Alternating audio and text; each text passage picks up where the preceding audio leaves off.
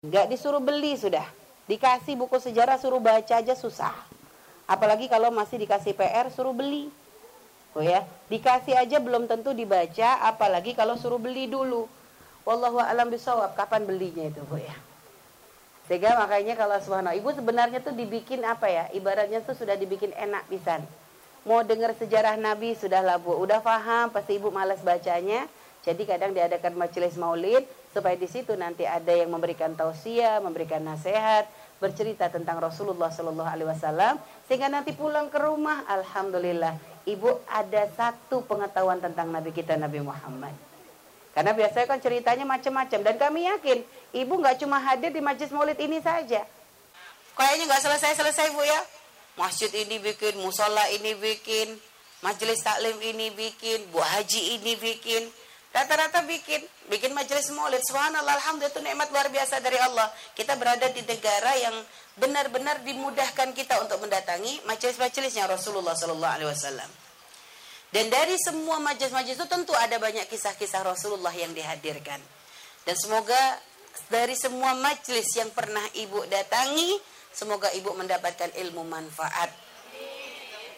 Kami pengen datangnya ibu ke majelis mulia itu semakin menambahkan pengetahuan para ibunda-ibunda ini kepada Rasulullah Shallallahu Alaihi Wasallam. Karena dari kenal Nabi itulah akan mudah kita untuk bisa mencintai Rasulullah Shallallahu Alaihi Wasallam. Akan mudah kita untuk bisa mengikuti Nabi Muhammad Shallallahu Alaihi Wasallam. Dan memang mencintai Nabi, mengikuti Nabi Muhammad itu bukan kepentingannya Nabi, ya. Mencintai Nabi bukan kepentingan kepentingannya Nabi, Kenapa sih kita kok sering diwanti-wanti oleh para ulama? Ayo cinta Nabi, tambahkan cinta dengan Nabi. Karena itu memang kepentingan kita, bukan kepentingan Nabi. Kalau Nabi pun gak dicintai kita, ibu, Nabi sudah dicintai oleh Allah Subhanahu Wa Taala. Dan kalau sudah Allah cinta kepada hamba sudah ketutup semuanya. Ibaratnya kekurangan-kekurangan tidak akan nampak. Artinya Nabi sudah tidak butuh cinta kita, tapi kita butuh untuk bisa mencintai Nabi. Kenapa? Karena buah dari mencintai Nabi itu akan menjadikan kita mudah untuk mengikuti Nabi Muhammad Sallallahu Alaihi Wasallam. Dan kalau kita mudah mengikuti Nabi Muhammad Sallallahu Alaihi Wasallam, apa yang kita dapatkan? Allah akan mencintai kita. Sebagaimana Allah berfirman di dalam Al-Quran, Qul in kuntum tuhibbunallah fattabi'uni yuhibbukumullah wa yaghfir lakum dunubakum. Lihat Ibu, balasannya enggak kira-kira. Kalau kita bisa mengikuti Nabi Muhammad, balasannya apa? Di situ Allah berfirman, eh, ya, ya Rasulullah katakan kepada umatmu, jika mereka mengaku mencintai Allah, maka kuncinya gimana? Fattabi'uni, mengikuti Nabi Muhammad sallallahu alaihi wasallam. Dan apa buahnya kalau kita bisa mengikuti Nabi Muhammad? Yuhibbukumullah Allah akan mencintai kita. Wa yaghfir lakum dzunubakum dan Allah akan mengampuni dosa kita. Ya Allah. Dan kapan seorang hamba tuh bisa mengikuti Nabi Muhammad?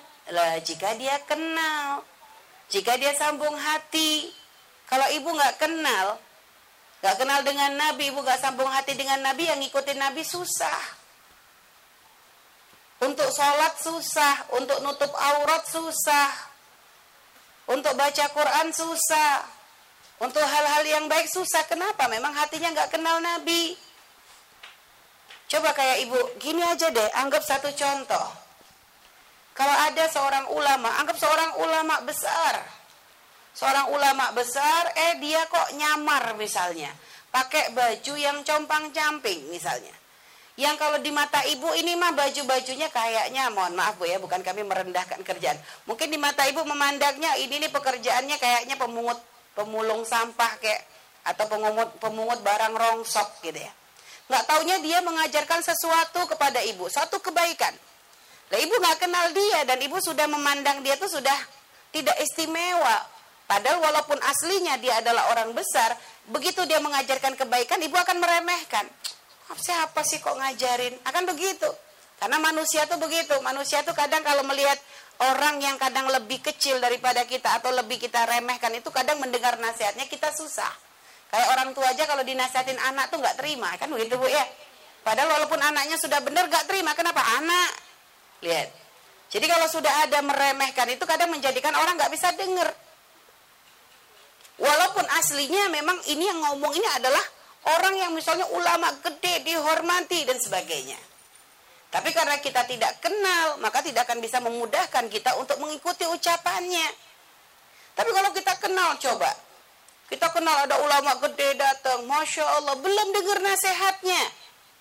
Tahu kalau dia tuh terkenal, apalagi kalau sekarang sudah di YouTube, Masya Allah. Jadi Ustadz misalnya terkenal di YouTube, terkenal di media sosial, di mana-mana misalnya.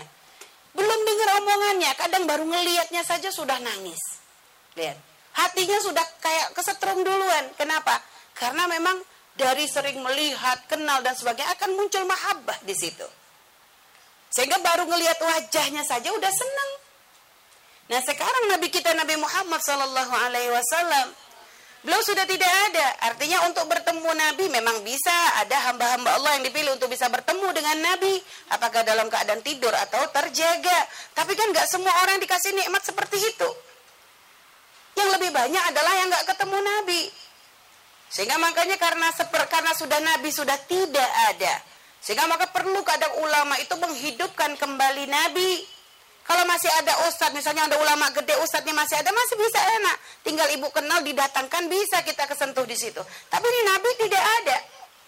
Gak bisa untuk dihadirkan di majelis. Akhirnya maka para ulama berinisiatif apa?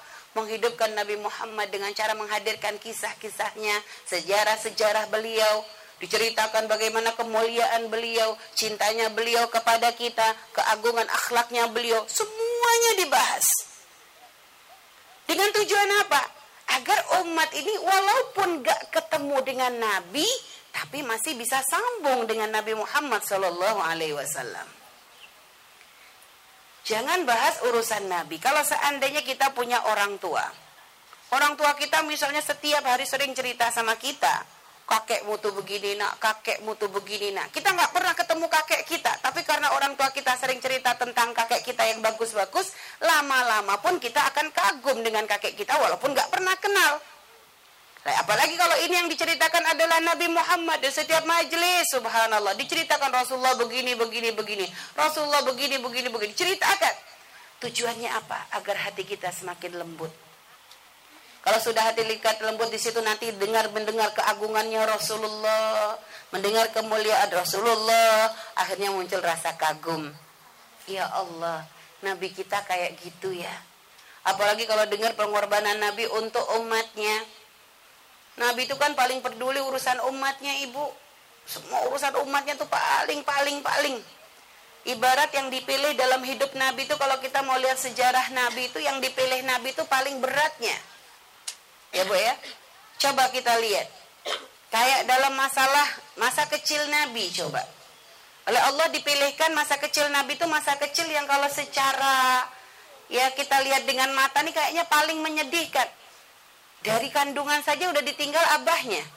Bapaknya meninggal Nabi masih umur dua bulan dalam kandungan. Setelah itu apa? Habis itu udah lahir oleh ibunya ya karena memang kondisi kondisi di Mekah memang tidak sehat dititipkan dititipkan kepada seorang wanita yang bernama Halimatus Sa'diyah. Sehingga masa kecil Nabi pun tidak bersama ibundanya, hanya sesaat dengan ibundanya. Sudah begitu, begitu oleh Sayyidina Halimah dikembalikan kepada ibundanya, baru sebentar ditinggal lagi sama ibunya. Nggak sempat dapat kasih sayang banyak dari ibundanya. Paling hanya satu tahun atau berapa, karena Nabi dikembalikan oleh Sayyidah Halimah itu di usia lima tahunan. Di usia lima tahunan dikembalikan kepada kepada Sayyidah Aminah, setelah itu pada usia 6 tahun, Nabi 6 tahun, Sayyidah Aminah wafat. Udah gitu dititipin lagi ke kakeknya. Ini kakek ya, namanya kakek ya subhanallah. Kadang namas dengan cucu itu kan luar biasa. Ngeliat nih anak melas banget. Bapaknya gak ada, ibunya gak ada. Lagi disayang-sayang sama kakeknya, meninggal juga kakeknya.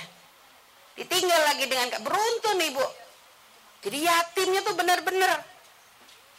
Nah itu dipilih. Dan itu yang dipilihkan oleh Allah untuk Nabi kita Nabi Muhammad Sallallahu Alaihi Wasallam. Masa kecil Nabi kita. Kenapa? Karena bagi bagi seorang anak memiliki orang tua ini adalah satu hal yang luar biasa. Sehingga makanya Nabi malah mengambil peran ibaratnya oleh Allah dipilihkan menjadi seorang anak yatim. Kenapa? Untuk menumbuhkan kekuatan di hati umat. Kalau yang bagi orang tua mah masih enak, tapi yang nggak punya orang tua nih, ada contohnya. Siapa? Nabi Muhammad.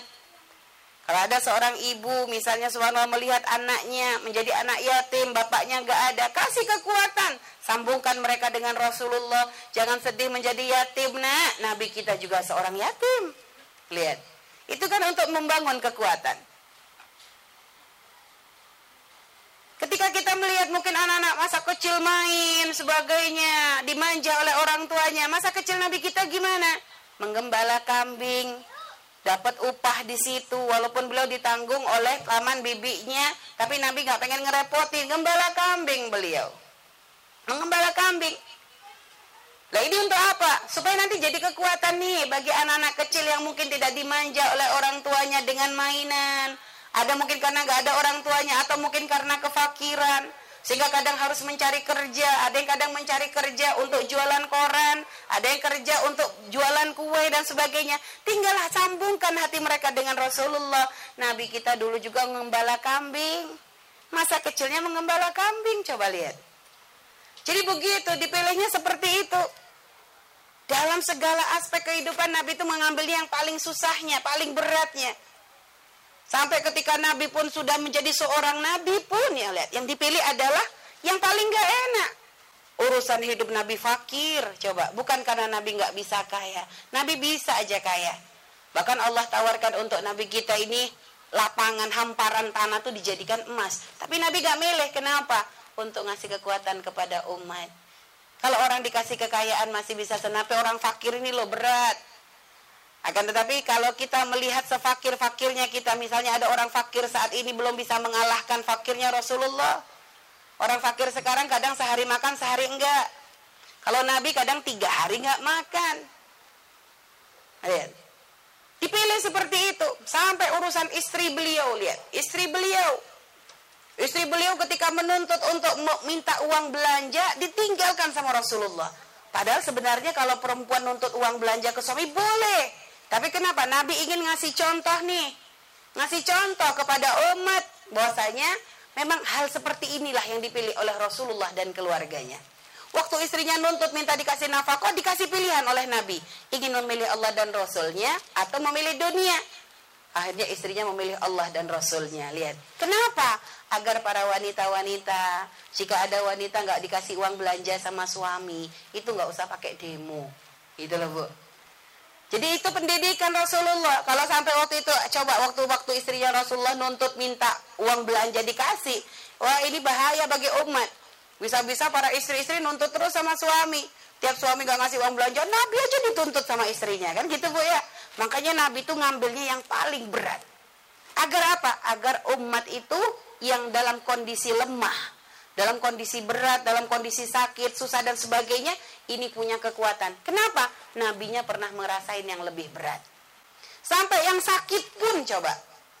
Kalau ada orang dikasih ujian sakit, Nabi kita ternyata pernah diuji sakit yang sangat-sangat sakit. Sakit. Sakitnya Nabi itu gak kebayang ibu. Sampai digambarkan oleh Sayyidah Aisyah itu karena Sayyidah Aisyah yang merawat Rasulullah Rasulullah tuh saking beratnya melawan sakit, panasnya Nabi itu panasnya luar biasa. Sampai kalau dikerucuk air itu bu, disiram dengan air itu, itu langsung kering karena terlalu tingginya panasnya Nabi Muhammad SAW. Kebayang kita panas kayak begitu. Sampai kalau ada kain basah tuh ditempelkan, langsung kering ibu karena terlalu panasnya tubuhnya Rasulullah. Sampai sebegitunya. Jadi memang kalau Nabi itu dipilihkan yang seperti itu oleh Allah SWT. Sampai urusan coba. Dalam urusan anak, Ibu tahu nggak anaknya Rasulullah ada berapa? Bu, hadir maulid berapa kali nih? Dites anaknya Rasulullah ada berapa? Oh, no kan? Bu, nanti datang maulidnya bawa buku ya. Masya Allah, Bu ya. Nabi itu punya anak tujuh orang. Tiga laki-laki, empat orang perempuan. Tapi tiga orang laki-laki anaknya Nabi itu semuanya meninggal di masa kecilnya. Dan jangan dipikir bu, kejadian begini ini bukan gak ada hikmahnya. Kalau sudah berkaitan Nabi semuanya ada nilai pendidikannya. Ada hikmah yang bisa diambil. Makanya tadi Umi katakan oleh Allah itu diatur sedemikian rupa. Bagaimana hidup Nabi itu diambil yang adalah yang paling sulit, paling berat. Sampai urusan dalam mempunyai anak saja. Yang mananya orang tua tuh kan kepengen punya anak banyak bu ya, biasa punya anak biasanya pengennya paket komplit, ada laki, ada perempuan, kan begitu ya. Bahkan ada sebagian orang yang kadang fanatiknya berlebihan urusan laki-laki. Termasuk di negeri Arab waktu itu, masalah punya anak laki-laki ini dianggap sebagai sesuatu keistimewaan. Kalau ada orang nggak punya anak laki-laki, lihat, ini dipandang rendah. Jadi kalau ada anak punya anak perempuannya lebih banyak daripada anak lakinya dipandang rendah. Tapi lihat, dalam kondisi seperti ini Nabi ternyata diuji oleh Allah. Punya anak laki-laki meninggal semua di masa kecilnya. Dan ini sebenarnya apa sih pesannya? Ini juga adalah untuk membangun adalah satu pendidikan bagi umat. Ada sebagian umat yang kadang masih fanatik urusan masalah laki perempuan menganggap punya anak laki-laki bangga kalau anak perempuan ada yang sebagian begitu makanya pengen dicontohkan nih Nabi Nabi saja nggak punya anak laki-laki ibaratnya. Bahkan keturunannya Rasulullah pun yang sampai saat ini ada pun tidak sambung dari anak laki-laki Nabi. Tapi sambungnya dari mana? Anak perempuan anak perempuan. Tapi pun tidak mengurangi pangkatnya Rasulullah sedikit pun. Dan bahkan kalau kita lihat bagaimana putri-putrinya Nabi ya walaupun adalah seorang wanita ya Anak-anaknya Nabi walaupun seorang wanita ternyata luar biasa akhlaknya. Dari Sayyidah Fatimah coba. Beliau adalah Sayyidah Nisaul Alamin. Menjadi wanita yang paling utama nanti. Menjadi pemimpinnya wanita nanti di surga. Dan dia dari keturunan-keturunannya terlahir orang-orang istimewa. Nah ini untuk mengingatkan kepada umat. Artinya Sebenarnya kalau umat itu mau berkaca ibu, kalau masa umat mau menyadari bahwa setiap ada ujian yang kita hadapi, ada kesulitan yang kita rasakan dalam hidup ini, tinggal kita melihat kepada perjalanan hidupnya Nabi Muhammad SAW, maka kita akan merasakan ringan. Makanya di situ Allah perintahkan kita untuk mengikuti Nabi Muhammad. Karena di dalam firman yang lain Allah dalam ayat yang lain Allah berfirman, "Laqad kana lakum fi rasulillahi uswatun hasanah. Jadi pada diri Nabi itu ada uswatun hasanah dalam segala hal dari A sampai Z. Ya. Dari A sampai Z, dari urusan menjadi anak, ya. Dan sampai nanti menjadi orang tua, sampai nanti menjadi suami, dari urusan misalnya menjadi pedagang, urusan menjadi pemimpin, urusan menjadi sahabat, semuanya ada pada diri Nabi Muhammad SAW. Gak ketinggalan syariat yang paling luar biasa, paling komplit adalah syariatnya Rasulullah SAW. Gak bisa kita pungkiri. Dari urusan paling gede, urusan jihad fisabilillah, sampai urusan masuk kamar mandi pakai kaki apa juga dibahas dalam Islam. Itulah syariat Nabi. Gak ada syariat yang lebih sempurna lagi. Dan ini harus kita yakini. Lakum fi Rasulillah uswatun hasanah. Pada diri Nabi itu ada suri tauladan yang baik. Makanya Allah tuh ingin kita tuh kenal Rasulullah. Bagi siapa itu? Liman kana yarjullah. Bagi orang-orang yang mengharapkan Allah, maksudnya mengharapkan ridha Allah. Wal yaumal akhir. Liman kana yarjullah wal yaumal akhir wa dzakarallaha katsira. Siapa saja orang-orang bisa mengambil apa namanya? uswatun hasanah dari diri Nabi Muhammad sallallahu alaihi wasallam yaitu orang-orang yang mereka senantiasa mengharapkan ridho dari Allah SWT. Mereka yang mengharapkan selamat nanti di hari kiamat. Mereka yang berharap yang mereka adalah orang yang selalu mengingat Allah Subhanahu wa taala, itu yang akan bisa untuk mengambil suri tauladan yang paling baik pada diri Rasulullah sallallahu alaihi wasallam. Makanya para ibunda yang dimuliakan Allah, ini adalah untuk semakin mengukuhkan pada diri kita bahwa Nabi adalah contoh yang terbaik.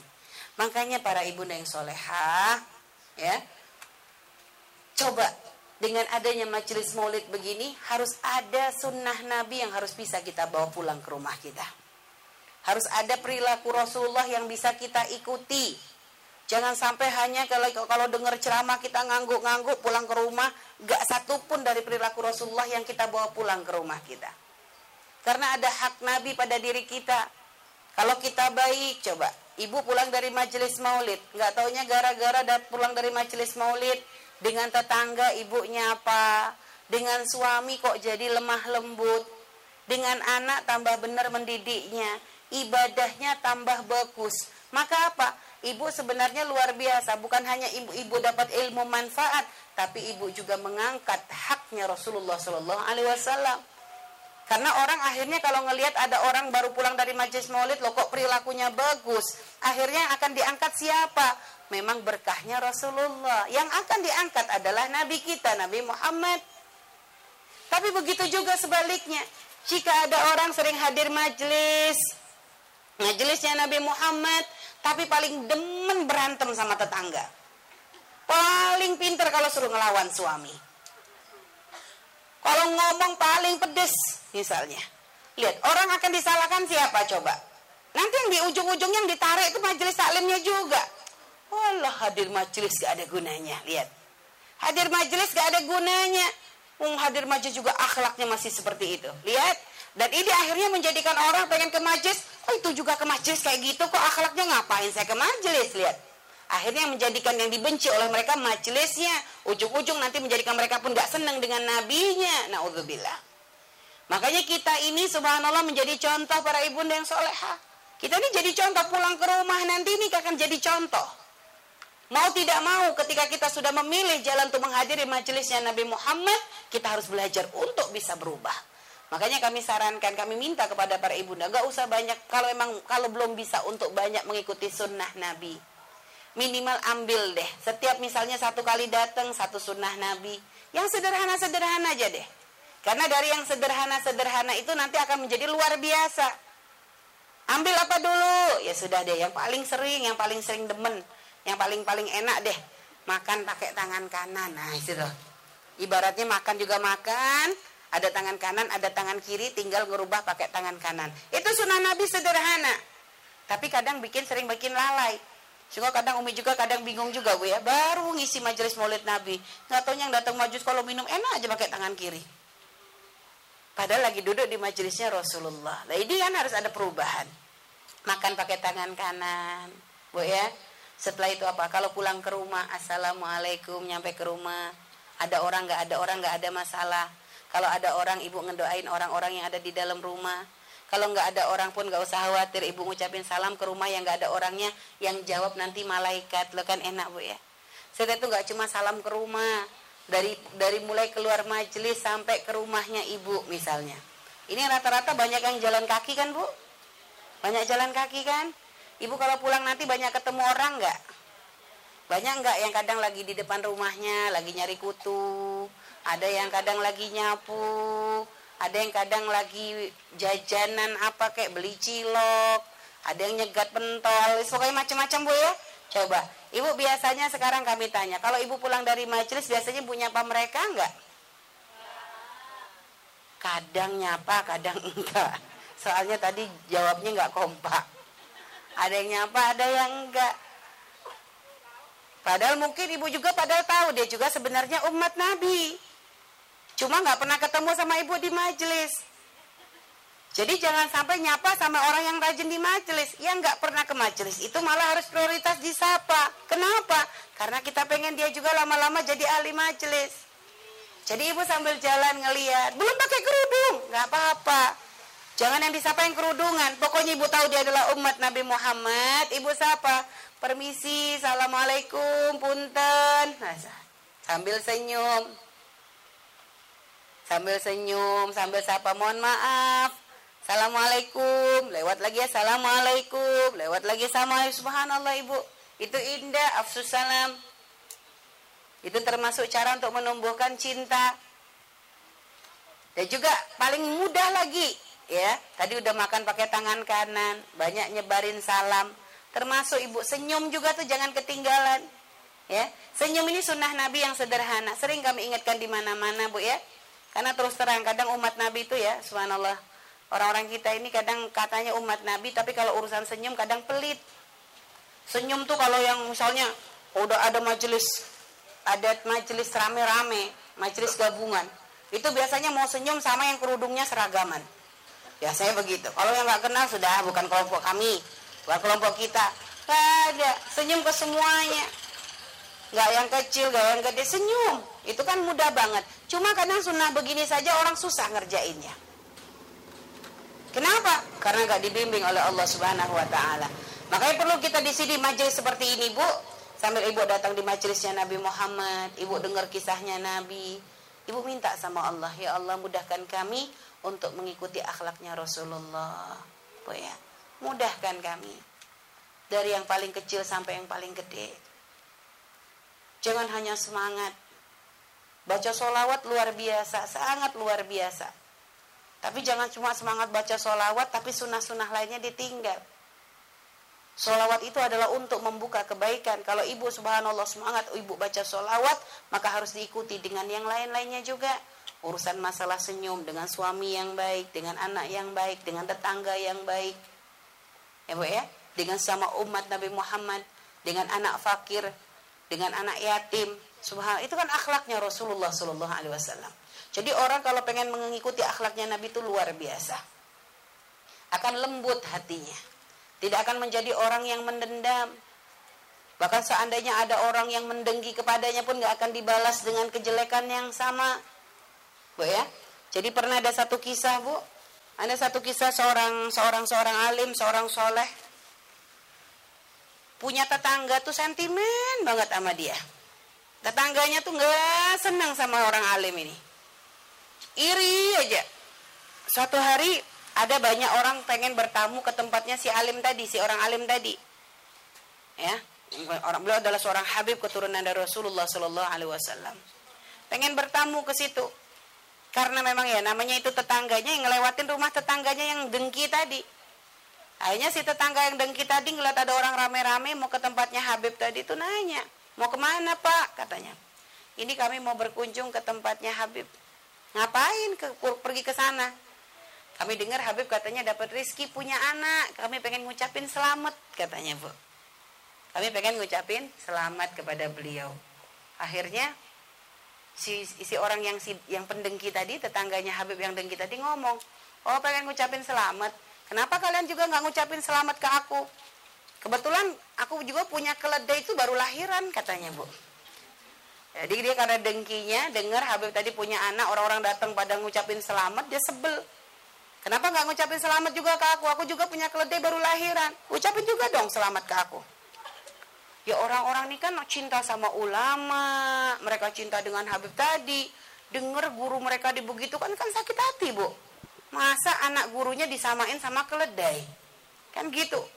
Wah ini orang ini bukan, mereka ini tamu-tamu tadi tuh pada marah, sampai mau berantem ini dekat dengan rumah gurunya. Akhirnya datang sampai ke tempatnya gurunya tadi, Habib tadi, wajahnya mereka ini masih wajah-wajah orang ahan mangkal gitu. Orang kepegelen gitu. Hanya Habib tadi begitu nyambut ahlan selamat datang. Tapi ini kok wajahnya aneh. Ada apa? kata Habib.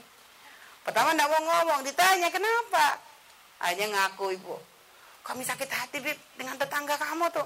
Emang kenapa tetanggaku? katanya masa tadi ngomong seperti itu diceritain coba ibu kalau orang nggak kenal Rasulullah gimana kurang ajar Pancang banget kan gitu bu. Masa anakku disamain sama anaknya keledai kan gitu. Cuma karena Habib ini adalah orang yang kenal dengan Nabi Muhammad Shallallahu Alaihi Wasallam.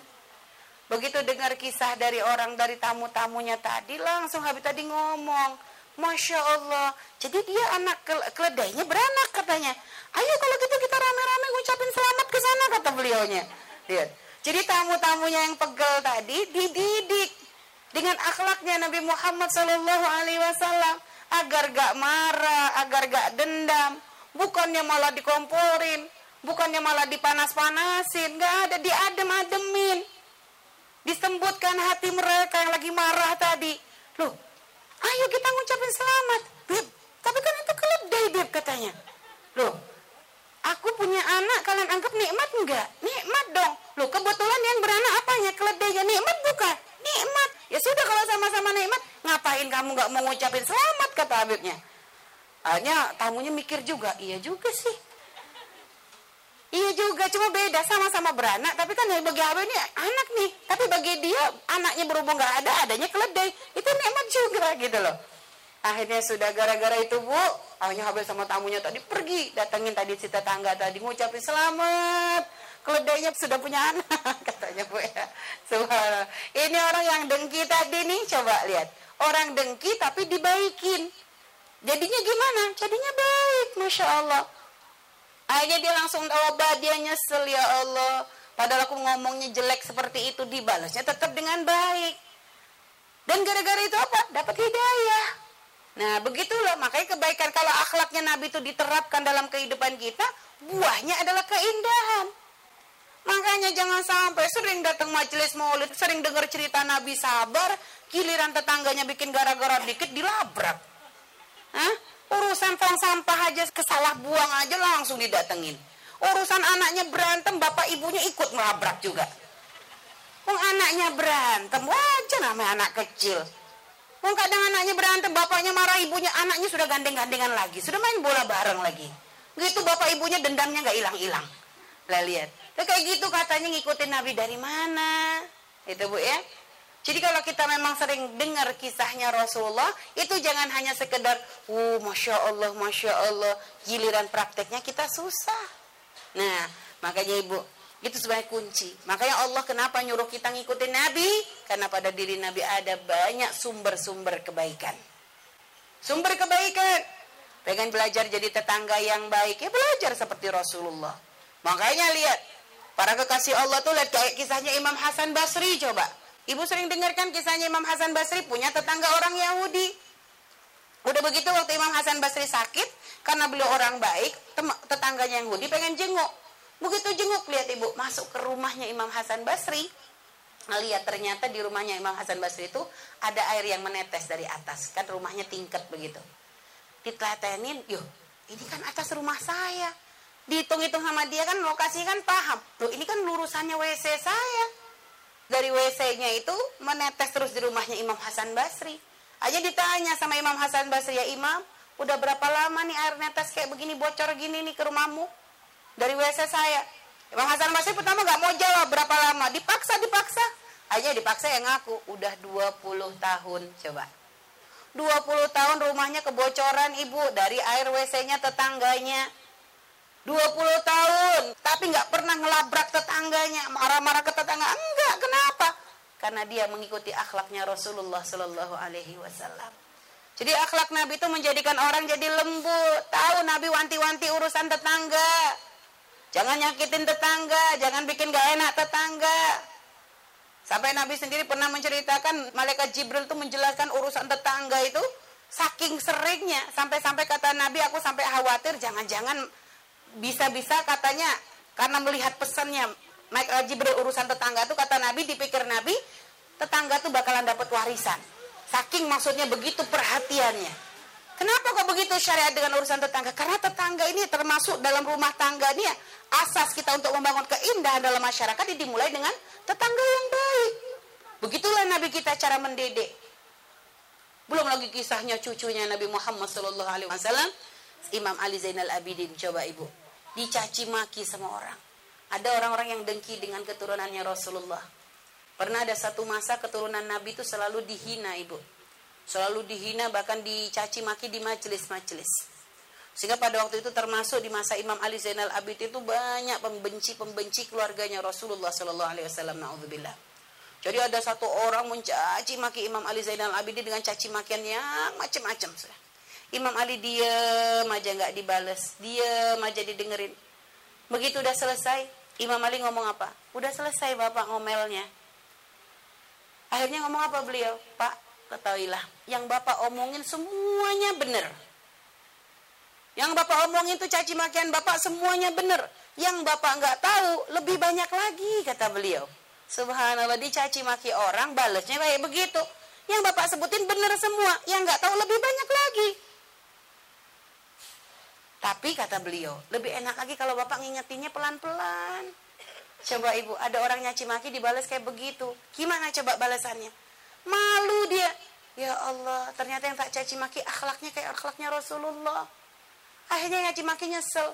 Maafin ya imam, tadi soalnya aku disuruh nyaci maki kamu, nanti aku dibayar. Akhirnya kata Imam Ali, ya Allah pak, kenapa nggak bilang dari awal kalau bapak tuh lagi butuh. Kalau memang bilang ke kami akan kami bantu, nggak usah pakai nyaci maki dulu kata beliau. Lihat, caci maki malah dibalas begitu. Akhirnya nanya ke pembantunya, ada duit berapa? Ada seribu dirham. Ya imam, kata sudah kasihin semuanya ke orang itu. Dia lagi butuh. Coba ibu, akhlaknya siapa yang dipakai? akhlaknya Rasulullah. Coba kalau akhlaknya pakai hawa nafsu kita, ada orang nyaci maki, nggak taunya langsung dia butuh kualat. Hmm, gitu kita. Oh kita bakalan nyaci maki lebih banyak lagi mungkin. Akan kita sebut, oh, kurang ajar, dia tuh mencaci maki saya, fitnah saya. Kita bakalan ngomong, kalau perlu sampai statusnya kita juga nyindir. Ada orang gila mencaci maki, kan begitu akhirnya Bu ya. Orang sekarang kan ribut sama tetangga masuk status. Ya? Medsos semua orang pengen tahu sedunia. Begitu semua. Masalah suami. Pura-pura sama tetangga. Sama suaminya aja curhatnya di statusnya bu ya? Nah, tapi kalau kita ngikuti akhlak Nabi nggak bakalan begitu. Ya ngikutin akhlaknya Rasulullah nggak akan seperti itu akan baik jadi kalau kita kenal Nabi subhanallah ibu buahnya apa perilaku kita akan menjadi baik ya dalam menjadi apa pun jadi ibu maka kita akan menjadi ibu yang solehah kalau kita jadi istri dan kenal Rasulullah, maka kita akan bisa jadi istri yang soleha. Kalau ada suami kenal Nabi Muhammad, dia akan menjadi imam yang luar biasa di rumahnya. Kalau ada anak kenal sama Nabi, maka akan anak menjadi anak yang berbakti kepada orang tuanya. Kalau ada pedagang kenal Rasulullah, maka dia akan menjadi pedagang yang jujur. Gak akan khianat dengan dagangannya. Kayak sahabat Nabi itu bu. Gak akan khianat. Ada sahabat Nabi subhanallah satu hari nimbang nggak taunya dalam timbangannya tuh ada seekor semut timbangannya tuh akhirnya dibongkar lagi dianggap gak sah begitu ada semutnya itu sahabat Nabi kalau tidak salah Buddha atau siapa sampai orang ngomong kan nggak kelihatan semut memang timbangannya berapa sih nggak ada nggak ngaruh katanya kata beliau apa kalau di dunia mah nggak ngaruh tapi kalau di akhirat satu semut aja nggak ada hitungannya katanya lihat saking jujurnya ibu nggak pengen dolim Nah sekarang coba karena orang banyak nggak kenal Nabi, nimbang aja tambahin batunya. Diatur dulu timbangannya biar cepat berat. Baru 8 on, sudah satu kilo. Lihat. Kenapa? Nggak kenal sama Rasulullah. Pejabat pun begitu. Kalau ada pejabat kenal Nabi, lihat akhlaknya akan luar biasa. Nggak akan berani nggak jujur itu. Beraja kita dari bagaimana kisahnya Sayyidina Umar bin Khattab coba Sayyidina Umar bin Khattab ibu ketika beliau menjadi khalifah. Waktu itu negara sudah semakin makmur. Rakyat sudah luar biasa, hidupnya tambah enak. Akhirnya ngerasa kok sudah memang belum belum belum belum anu banget tapi sudah masya Allah sudah perubahannya dibanding di zaman Nabi dibanding di zamannya Sayyidina Abu Bakar pada zaman Sayyidina Umar tuh mulai perluasan Islam sehingga akhirnya sudah semakin banyak maksudnya semakin makmur sehingga akhirnya mereka berpikir dengan keadaan yang sudah semakin bagus, tentu Sayyidina Umar bin Khattab ini sangat layak kalau beliau gajinya dinaikkan. Lihat Ibu. Tapi akhirnya Ibu, itu sahabat segitu banyaknya dari Imam Ali dan semua sahabat-sahabat penggede. Gak ada yang berani ngadep kepada Sayyidina Umar untuk mengusulkan agar gaji beliau dinaikkan. Sebegitunya. Sampai akhirnya tahu karena karakternya dengan Sayyidina Umar itu luar biasa. Akhirnya sampai pesan kepada Sayyidah Hafsah, putrinya Sayyidina Umar bin Khattab yaitu Sayyidah Hafsah yang merupakan istrinya Rasulullah, didatangi oleh para sahabat. Ya Hafsah, coba sampaikan kepada ayahmu. Karena kan sekarang sudah semakin makmur, pantas banget maksudnya kalau sampai Sayyidina Umar itu untuk menambahkan gajinya. Karena Sayyidina Umar itu bu, subhanallah, baju aja tuh bu, kadang baju tuh sampai gantian. Jadi baju kalau udah dicuci nunggu satunya kering. Jadi kalau mau sampai begitu. Sampai pernah ada orang tuh ngerasa ngelihat Sayyidina Umar itu dipikir bukan bukan khalifah, dipikir tukang kebun. Karena pakaiannya tuh sampai tembel-tembelnya banyak banget. Gak pernah makan enak-enak. Tapi subhanallah akhirnya Sayyidah Hafsah pun datang kepada Sayyidina Umar. Ayah, dapat pesen. Pesennya apa nak? Kata sahabat-sahabat semuanya, sahabat-sahabatnya Sayyidina Umar, karena keadaan negara sudah semakin baik, gimana kalau gajimu dinaikkan? Bu, coba kalau ada orang sekarang dibilang gajinya naik, seneng gak? Senang. Tapi ini nih kalau orang yang sambung hati dengan Nabi, dengar gajinya mau dinaikin, nangis ibu. Nah, kok teganya kamu tuh? Kok teganya kamu tuh pengen naikin? Anak soleh kenapa sayang? Masya Allah.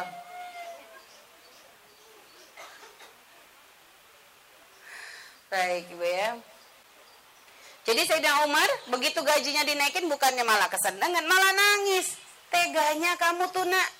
Kamu tahu gimana hidupnya Rasulullah? Rasulullah kadang makan, kadang enggak. Sekarang kamu mau naikin gaji ayahmu ini kok tega banget kamu. Apa kamu pengen ayahmu ini jauh dari Nabi Muhammad? Katanya. Jadi mau dinaikin coba gak mau. Lihat coba kalau sekarang pejabat-pejabat kita kenal dengan Sayyidina Umar, kenal dengan Rasulullah SAW, nggak bakalan bu ada pejabat bisa korupsi, nggak bakalan ada pejabat ngambil uangnya rakyat, nggak bisa. Makanya kalau orang sudah nggak kenal Nabi, lihat perubahan akhlak juga akan semakin parah. Tapi kalau orang kenal Nabi Muhammad Sallallahu Alaihi Wasallam, dari urusan yang paling kecil sampai yang paling gede dia akan amanah. Makanya ayo ibu kita ajari, didik diri kita untuk semakin kenal Rasulullah Sallallahu Alaihi Wasallam. Bawa pulang Rasulullah ke rumah kita. Kenalkan Nabi Muhammad kepada anak-anak kita. Jadikan suami kita adalah orang yang kenal Nabi Muhammad. Bertetanggalah kita dengan caranya Rasulullah Sallallahu Alaihi Wasallam menjadi apa pun kita maka ayo ikuti apa yang diajarkan oleh Rasulullah SAW semoga dengan itu semuanya bu akan menjadikan Allah titipkan terus Allah tambahkan di hati kita kecintaan yang sesungguhnya. Yang buahnya apa? Buahnya kalau kita mencintai Nabi maka kita akan bisa berkumpul kelak bersama Rasulullah Sallallahu Alaihi Wasallam. Karena kata Nabi anta ma'aman ahbabta. Kamu akan dikumpulkan bersama orang yang kamu cintai. Kalau kita cinta orang mulia kita akan dikumpulkan bersama orang yang mulia dan paling mulianya manusia yaitu Nabi Muhammad Shallallahu Alaihi Wasallam. Semoga Allah tambahkan terus di kita kecintaan kepada Rasulullah, kepada keluarga beliau, kepada sahabat beliau dan semoga Allah mudahkan kita untuk mengikuti akhlaknya Rasulullah Shallallahu Alaihi Wasallam. Baik para ibu yang dimuliakan Allah, ini saja dari kami. Insya Allah majelis rutin di, di, di, di musola ini rutinannya adalah setiap ahad pertama setiap bulan. Ahad pertama tiap bulan ada kajian di sini bersama kami, Bu ya. Kalau kami nggak bisa pun biasanya ada wakil-wakil eh, ada yang santri atau ustadz-ustadz yang menggantikan. Dan setiap hari Ahad ada terus ya. Masih ada ya, masih ada Bu ya. Jadi kalau yang Ahad kedua, ketiga, ke, setiap Ahad yang lainnya itu ada ustadz-ustadz yang ngajar. Tapi kalau memang sama kami itu paling sering yaitu di Ahad pertama. Baik para ibu dan dimuliakan Allah. Insyaallah ini yang bisa kami sampaikan. Kita tutup dengan doa. Tadi doa maulid belum dibaca. Kita baca bareng-bareng Bu ya sekarang. Semoga apa yang sudah dibaca dari maulid adibai dan juga dari tausiah yang kami sampaikan menjadi sebab kita semakin tambah cinta kepada Rasulullah jadi sebab kemuliaan untuk kita dan kebaikan untuk kita semuanya